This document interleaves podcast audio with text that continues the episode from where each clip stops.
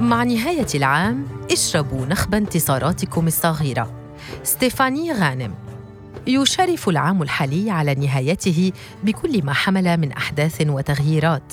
ليضعنا مرة جديدة أمام تدقيق ذاتي للإنجازات التي حققناها كما الإخفاقات وما بينهما من محاولات نجحت وأخرى باءت بالفشل. يأتي العيد الصاخب حاملا لكم سؤالا وجوديا خلف ضوضاء الهدايا والتوقعات الاجتماعية. هل أنتم راضون عن أنفسكم هذا العام؟ هذا السؤال يضعنا جميعا أمام ذاتنا بكليتها. كفحص سريري شامل يعاين وضعنا النفسي الجسدي الاجتماعي المادي والروحي لنجد أنفسنا نحلل مجريات عامنا الذي مضى متذكرين ما أبكانا وما أفرحنا. وما جعلنا نشعر بالفخر وما أجبرنا على فعله. لكن السؤال الأهم هل سنكون منصفين في تقييمنا لأنفسنا أم أننا سوف نعظم الألم ونتجاهل الانتصارات؟ لنبدأ بلعبة صغيرة. أغمضوا عيونكم وحاولوا تذكر واقعه حدثت معكم خلال العام الحالي وأثرت فيكم بشكل كبير. بحسب العلماء فإن معظم الأشخاص سوف يتذكرون الأحداث السيئة أو الموجعة أكثر.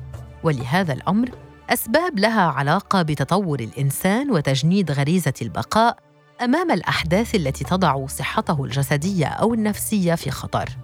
على سبيل المثال فإنه من الأسهل على المحارب أن يتذكر ملامح عدوه من التركيز على نوع الشجرة التي كان يختبئ خلفها. بمعنى آخر من السهل على الشخص أن يتذكر الصدمات المؤلمة التي جرت في يوم معين على حساب أي حدث آخر جرى في اليوم ذاته. للذاكره دور أساسي في حفاظ الشخص على حياته فهي تخزن المعلومات والصور والتجارب السلبية والخطيرة وتفعلها تلقائيا حين يشعر المرء بأي شعور سلبي. ما يعني أن مشاعر الحزن والفشل وغيرها التي تصنف في خانة المشاعر السلبية. تتحول إلى دفاعات نائمة تستيقظ حين يختبر الإنسان أي شعور شبيه بأسلافه للحفاظ على حياة الشخص من باب الغريزة الطبيعية أو ما يسمى بال survival mode بالمقابل أن يعيش الإنسان في وضع يشعر فيه دوما بإلزامية الدفاع عن نفسه في وجه الضغوط المختلفة أمر متعب من الناحية النفسية وله تداعيات عدة. مشكلات في النوم والشعور بالتعب الدائم حتى في غياب أي جهد جسدي والقلق تجاه ما قد يحمله المستقبل والتسرع في ردات الفعل وضبابية التذكر والتفكير ومشكلات في التركيز وعدم القدرة على أخذ إجازة من المسؤوليات اليومية وغيرها من مؤشرات تظهر أن الشخص يعيش معركة الحياة من دون التمتع بلذتها. كل هذا من شأنه التسبب في إرهاق الذاكرة والتقليل من منسوب الإدراك المنطقي للأمور التي قد يواجهها الشخص بحيث يتوقف عندما هو سلبي ويكتسبه.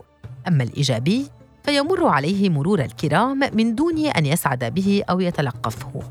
إن كنا طبيعياً نتذكر صدماتنا وآلامنا أكثر من اللحظات الجميلة والمفرحة فهذا يعني أننا معرضون للنظر إلى الحياة من منظار سلبي منتظرين المصائب لتأتينا. فنثبت أننا قادرون على تخطيها. وحتى عند تخطي المصيبة نرى بعض الأشخاص يلومون أنفسهم على طريقة إدارتهم للأزمة أو شعورهم بالتقصير أو الذنب أو بإظهار العواطف. أما مفهوم الانتصار فشأنه شأن غيره من المفاهيم الاجتماعية يلفه الكثير من الأفكار النمطية التي قد تضع الإنسان في موقع العاجز إن لم يتسلق القمر. فالانتصار بالمفهوم الرأسمالي الضيق قد يعني تخطي شخص آخر والربح عليه والكسب الأكثر والوظيفة الأنجح والمنزل الأكبر والسيارة الأجدد أي التباري والسباق الأزلي لتحقيق مكاسب مادية واجتماعية بالتساوي مع من نعتقد أنهم منتصرون. أما الانتصار الفردي فتعريفه خارج تلك المنظومة النمطية. ويعني كسر المفاهيم النمطية النفسية والتجرؤ على تجاوز المخاوف الخاصة التي تربى عليها الشخص والتي كانت تعرقل تطوره في أي من نواحي الحياة. قول لا لما لا نريده انتصار. الاهتمام بصحتنا النفسية انتصار. ترك وظيفة كنا فيها مظلومين انتصار. بناء علاقة روحية مع عزيز غادرنا انتصار. قدرتنا على المراجعة الذاتية من دون الجلد الذاتي انتصار.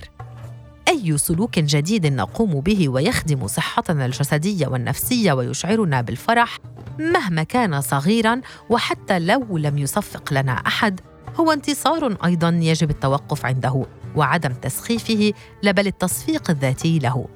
لأننا ببساطة إن لم ندرك انتصاراتنا فإننا لن نتعلم شيئا من هزائمنا.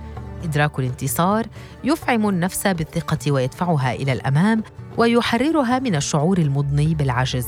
كشعور ذلك المحارب الذي يرمي سلاحه ارضا عند انتهاء المعركة.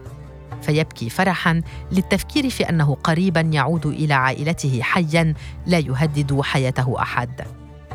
الانتصارات الصغيرة كالهواء العذب النقي تعطي دفعا إلى الأمام وتخفف من ألم التجارب السلبية وتاليا تحمي الشخص من الوقوع في مستنقع الكآبة المرضية. لا تنسوا الاحتفال بأنفسكم مع نهاية هذا العام. اشتروا لأنفسكم هدية. تحدثوا عن إنجازاتكم وانتصاراتكم باللهفة نفسها التي تتحدثون بها عن تجاربكم المريرة حتى تصبح أسلوب حياة فتنعم ذاكرتكم بتجارب أفراحكم وترسم على وجوهكم البسمة.